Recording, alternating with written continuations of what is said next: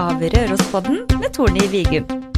I Rørospodden så inviterer jeg ulike personer tilknyttet Rørosregionen som har en unik historie å fortelle, som gjør at du som hører på, kan bli inspirert av deres historie. I dagens episode av Rørospodden så har jeg med meg ei jente som kommer rett fra byen som aldri sover, New York City. Velkommen til deg, Vibeke Grytbakk. Tusen takk. Tusen takk for at jeg fikk komme. Du, For å starte, kan du fortelle litt om deg sjøl og din tilknytning til Rørosregionen? Nei, jeg er nå født og oppvoksen på Røros, da. Eh, bodde her til jeg var 19. Så flytta jeg til Trondheim, studerte der i ja, nærmere fire år. Tok bachelor på BI, og så bygde jeg på med prosjektledelse. Og i tillegg så jobba jeg jo i Sparebank1 som rådgiver der. Men så var det noe, da. Hva skal jeg gjøre, da? Ble litt urolig og fikk lyst til å gjøre litt andre ting. Og da havna jeg på New York. Hva var det som gjorde at du tok steget og, og tok flyet over dammen? Nei, jeg har alltid hatt en veldig fascinasjon av New York, egentlig. Uh, alt fra opplevelsene av andre venninner som har delt med meg, uh, filmer, og selvfølgelig litt research, da. Så tenkte jeg at nei, det er en sånn fin plass for meg å være og lære mer. Og jeg har alltid vært veldig opp, opp, opptatt av businessindustrien, da. Og det å lære av den beste. Og i New York er det jo litt sånn at der er det jo eliten. Og da Mm. tenkte jeg at nei, dit må jeg.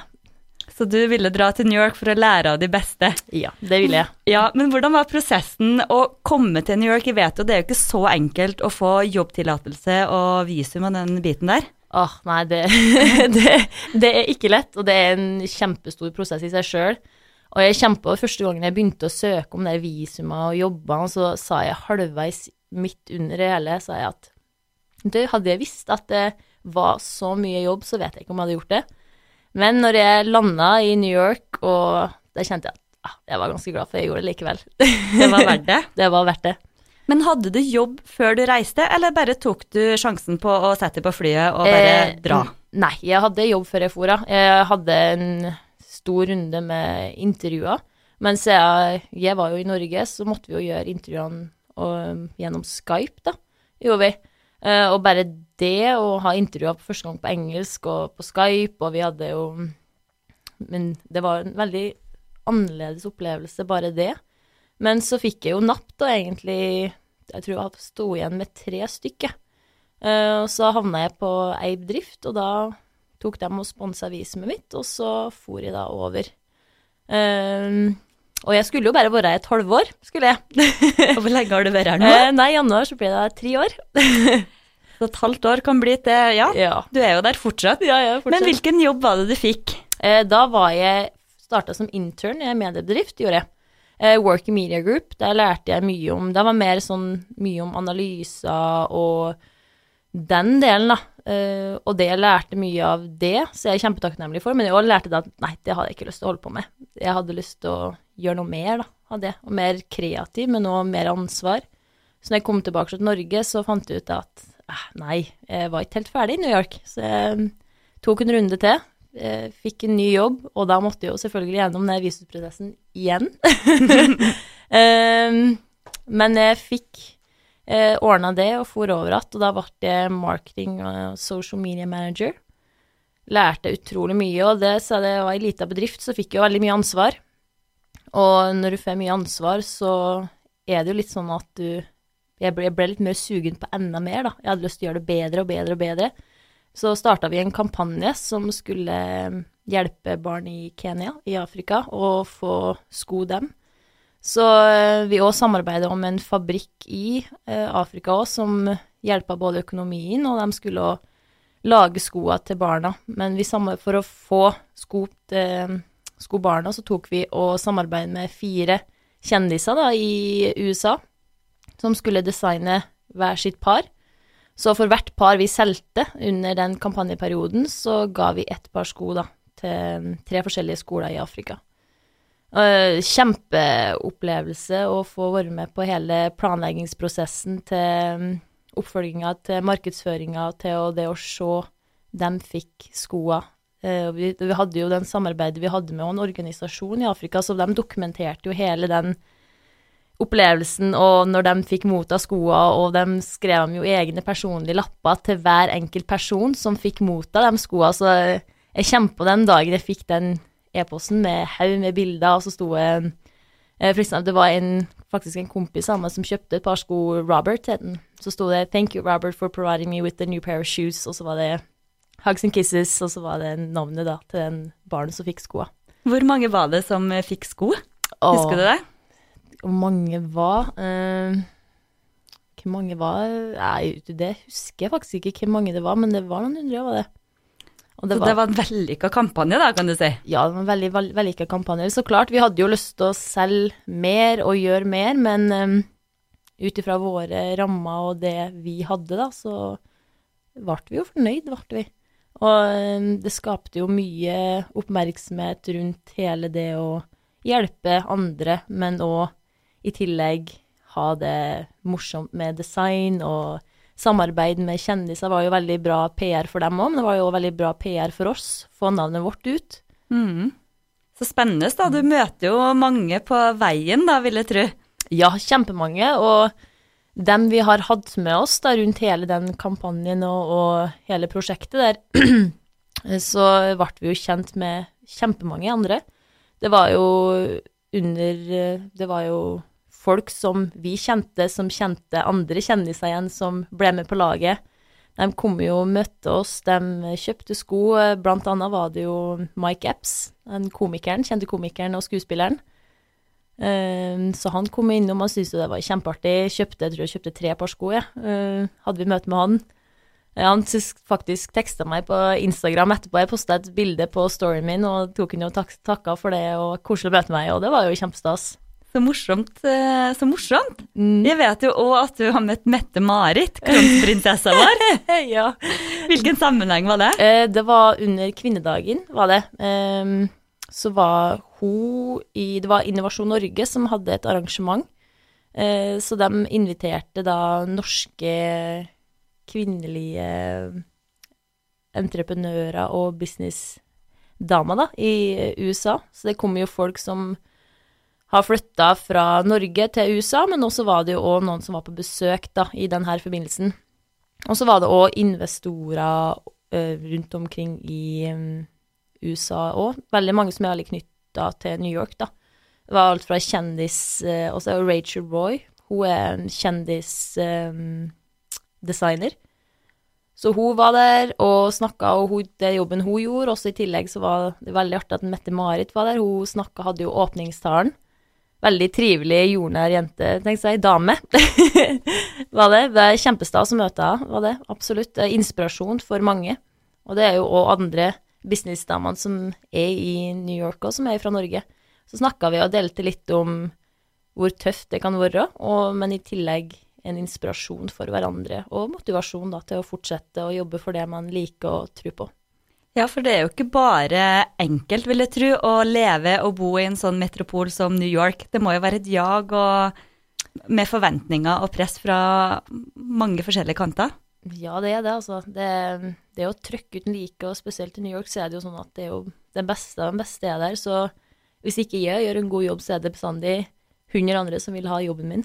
Mm. Så det å være på hele tida og prøve å pushe og nå nye mål og resultater hele tida. Men i tillegg så er det jo en liten motivasjon, da, for at du vet at andre vil gjerne ha jobben din, men i tillegg så brenner det ekstra i meg da, for å gjøre en ekstra god jobb, da. Ja, for du jobber jo ikke i den bedriften eh, som holdt på å donerte sko til Kenya lenger, gjør du det? Nei, jeg gjør ikke det. Det ble en liten skifte. Jeg fikk en ny jobb som general manager.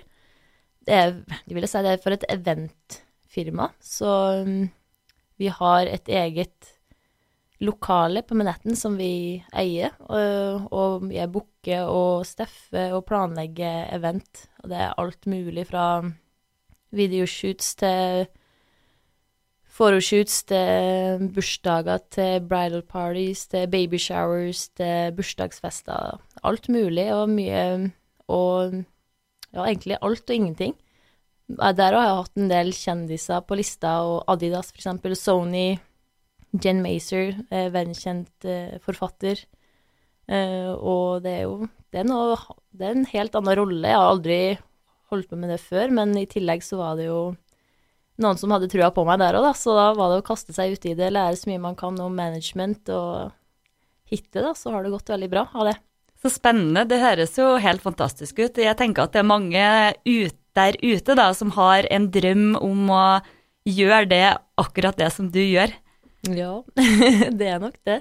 Eh, og det er jo Det vil jo håpe at andre blir motivert og følger drømmene sine og kaster seg ut i ting. Det, er ofte at ting kan være veldig skremmende og virke veldig skremmende. Men så fort man kaster seg ut i det og bare gir det en sjanse, så kan man bli positivt overraska at man takler og klarer mye mer enn det en tror. Hvordan ser en typisk dag ut for deg i, i New York? Uh, nei, det stiger opp tidlig om morgenen, drar på jobb. Uh, jobber og svarer på mail, når ut til klienter. Uh, og mye oppfølging er det. Og så har jeg jo forskjellige plattformer der jeg og styrer og tar imot mange henvendelser ifra. Og så kommer det rundt lunsjtida, så er jeg jo så heldig at jeg bor fem minutter unna der jeg både jobber og der treningssenteret, så jeg liker jo å trene, så da tar jeg lunsjpausen min på treningssenteret, så drar jeg hjem igjen, og så dusjer og et, og så får jeg tilbake til jobb, og da er det en god del av dagen, så jeg jobber ganske mange timer da, gjør jeg.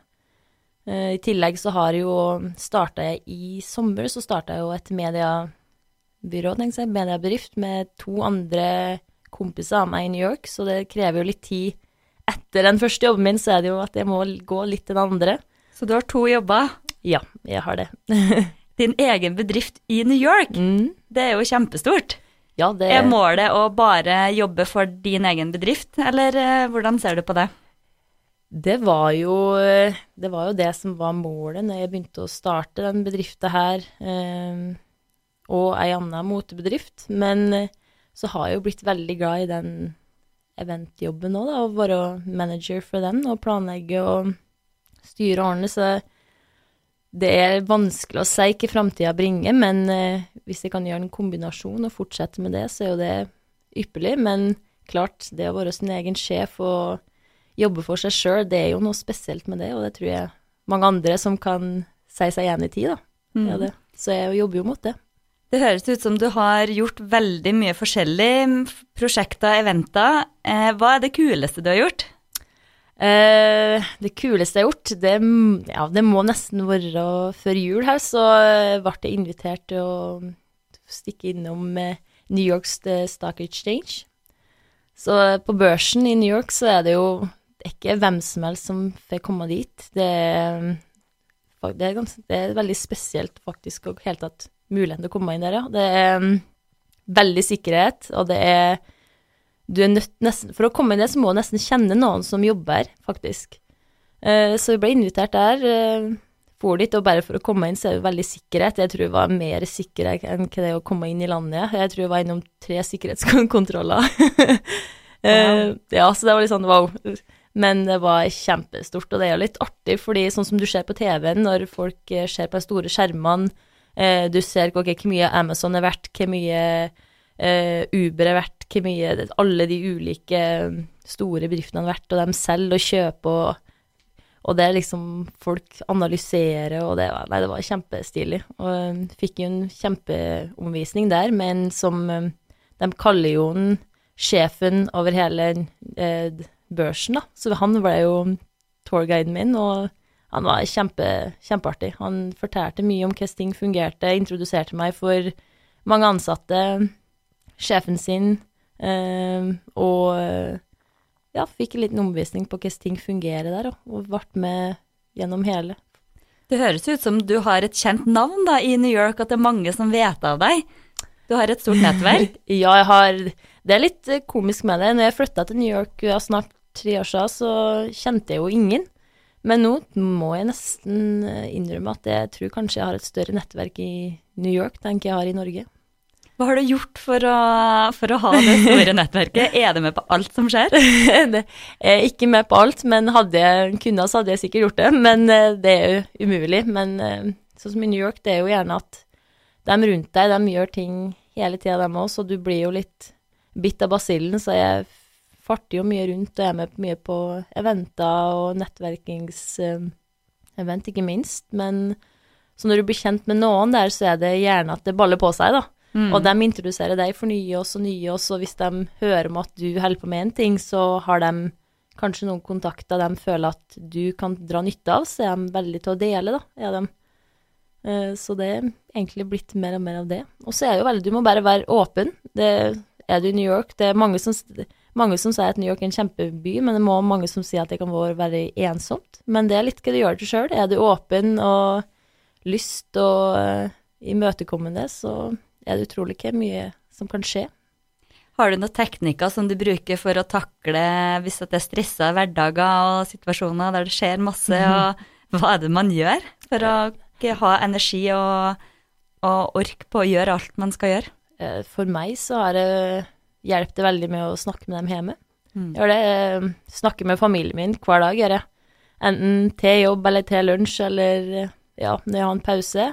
Men i tillegg så har trening hjulpet meg veldig. Jeg har alltid vært veldig glad i å trene, og det har jeg hjelpa meg veldig med det, og da er det min time til å bare være Vibeke og gjøre det som jeg liker. Og det er alt fra å springe på mølla til å dra og bokse til ja, trene styrke, så det er en god kombinasjon av det som har hjelpa meg veldig mye da, til å holde balansen og holde meg litt jordnær.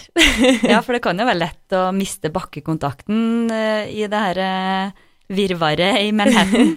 ja, så det, det er jo mange som tror at nei, hvordan det hun blir hun når hun er oppe i New York, men jeg er fortsatt meg, jeg, og så fort jeg, hvis jeg, føttene løfter seg litt over bakken, så er en telefon hjem til en bror, det, så kommer en fort ned på jorda.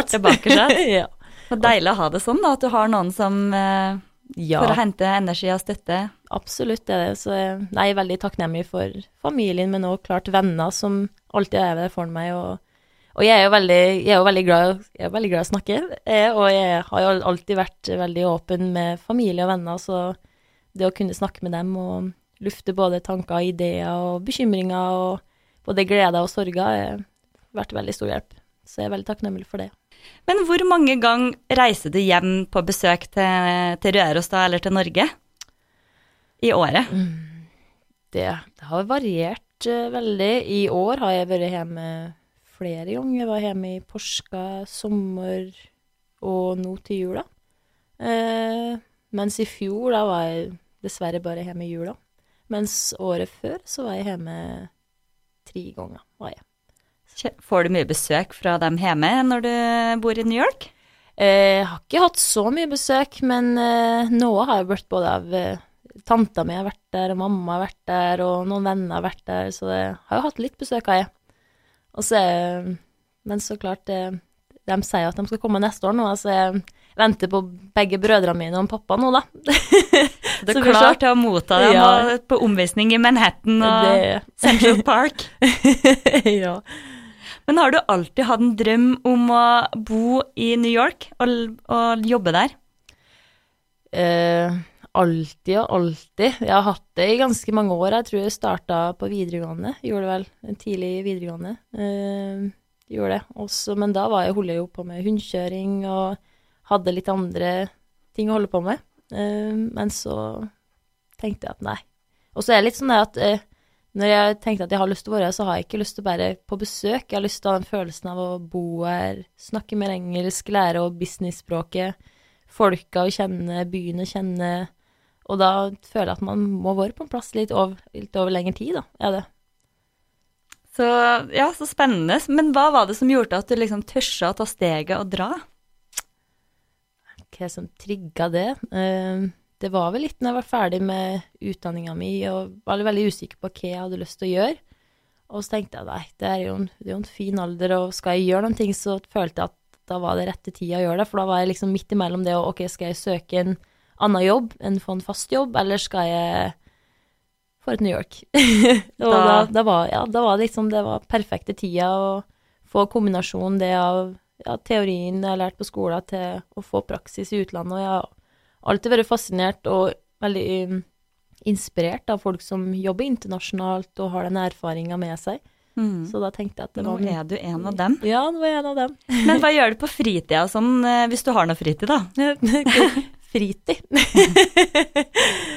Nei, fritida, det, som er- det er jo litt med trene, være med kamerater.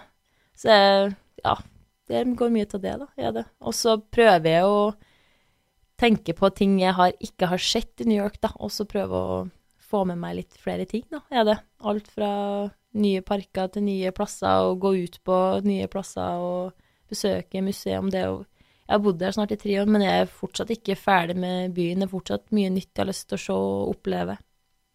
Det er jo, ja, det er jo byen som aldri, aldri sover. Mm. Eh, får du nok søvn, du, da? Eh, nei, men sånn som mamma sier, det sover kan vi gjøre når vi blir gamle. Det mottoet har jeg hatt òg. ja. Men savner du Røros noen ting, da? Ja, så klart. Det gjør jeg. Eh, og det er jo ingenting til det som har kommet meg sånn som nå, da, til jul. Eh, setter veldig pris på å komme med hver gang, jeg savner jo Røros spesielt. Eh, det er jo noen spesielle ganger i løpet av året jeg kunne ønske at jeg kunne vært hjemme, da. Spesielt sånn når Ove skal kjøre Femundsløpet, da vil jeg gjerne være her og så er jo Porska, og Røros er jo bestandig en av plassene jeg har lyst til å komme hjem til, er det. Det er jo kjempestolt over, og det er litt artig. Jeg prøver jo å fortelle og vise dem kameratene mine og kollegaer og nettverket mitt i New York og at uh, her kommer jeg fra. Jeg er jo kjempestolt av plassen, hjemmeplassen min.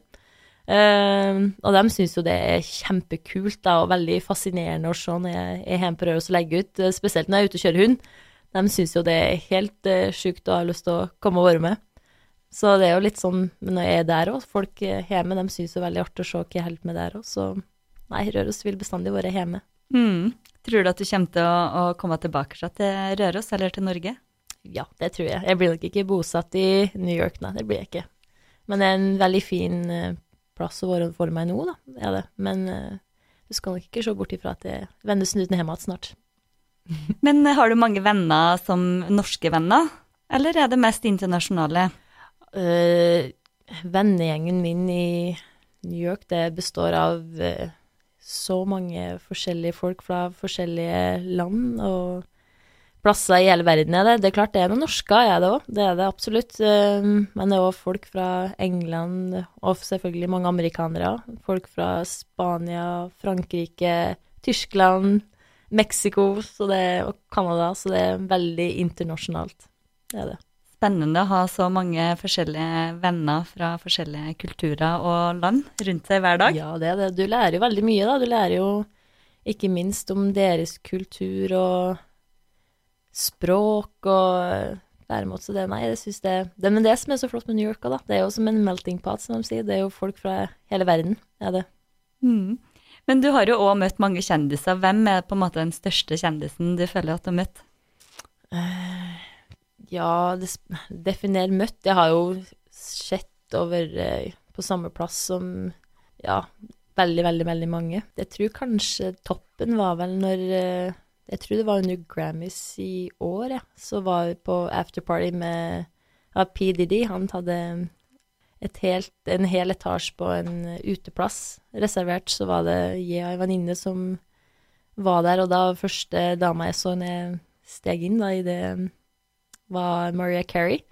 Og like bortafor var jo Beyoncé og JC og French Montana, så jeg tror kanskje det var de, den største så du kan si at du har vært på samme, samme nattklubb som, og festa med de, da? Ja, så det er jo, det er jo stas, er det. Men i tillegg så er det litt sånn når du er i et rom med bare kjendiser, så du kjenner jo dem ikke, men likevel er det veldig kult. Så vi var der en stund, så var det litt sånn ja, det var jo kult, men du føler deg litt sånn ja, det er ikke helt min scene å være der, men det var kul opplevelse, var det.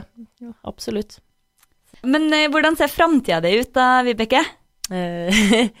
Eh, Ja, nei, det jeg har lyst til å fokusere på i 2019, da, det er jo det, Jeg har lyst til å ta noen flere kurs innenfor ledelse og management og innenfor den kategorien. Eh, sjefen min han har jo allerede sagt at han skal sponse meg med noen kurs, så jeg har veldig lyst til å bygge på det, og det skal jeg gjøre i New York. Eh, bli bedre, gjennombrede jobben min, få bedre resultater, være en bra sjef og leder sjøl. Eh, I tillegg så jobbe videre med mine, eller min bedrift, og så holder vi jo på å jobbe med å lansere en tredje i august neste år.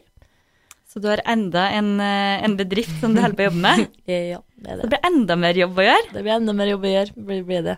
Det blir jo kjempespennende å, å følge deg. Da. Jeg håper jo at du kan ta med deg det her tilbake igjen til lokalsamfunnet. da, Ser du for deg det? Ja, det er jo det, det jeg har lyst til. Som en eh, Ove sier til meg at ja, men du, du må jo bare finne på en kjempeidé. Du nå som må flytte hjem igjen, og så må lage masse arbeidsplasser på Røros. Så vi får se, da. Det blir i hvert fall veldig spennende. Men har du noe, sånn, eh, har du liv, har du noe livsmotto du, du lever etter, du som er i New York? Livsmotto, ja, sånn det, det, alt, det har på en måte lært meg å leve etter, da, i de åra som jeg har bodd i New York, det er at uh, never a failure, always a lesson. Så uansett om du kanskje du feiler i noe, eller du gjør noe feil, så er det ikke du, Det er en måte at du taper ikke. Du, enten så vinner du, eller så lærer du. Det er veldig sant. Så ja, for det er jo litt sånn Det er jo mange som ser tilbake og skulle ønske han hadde gjort litt, en skulle ønske han hadde gjort datt, men så prøver jeg heller å lære av det jeg har gjort, og så se framover, og så bli enda bedre, da, og ikke gjøre den samme feilen igjen. Mm.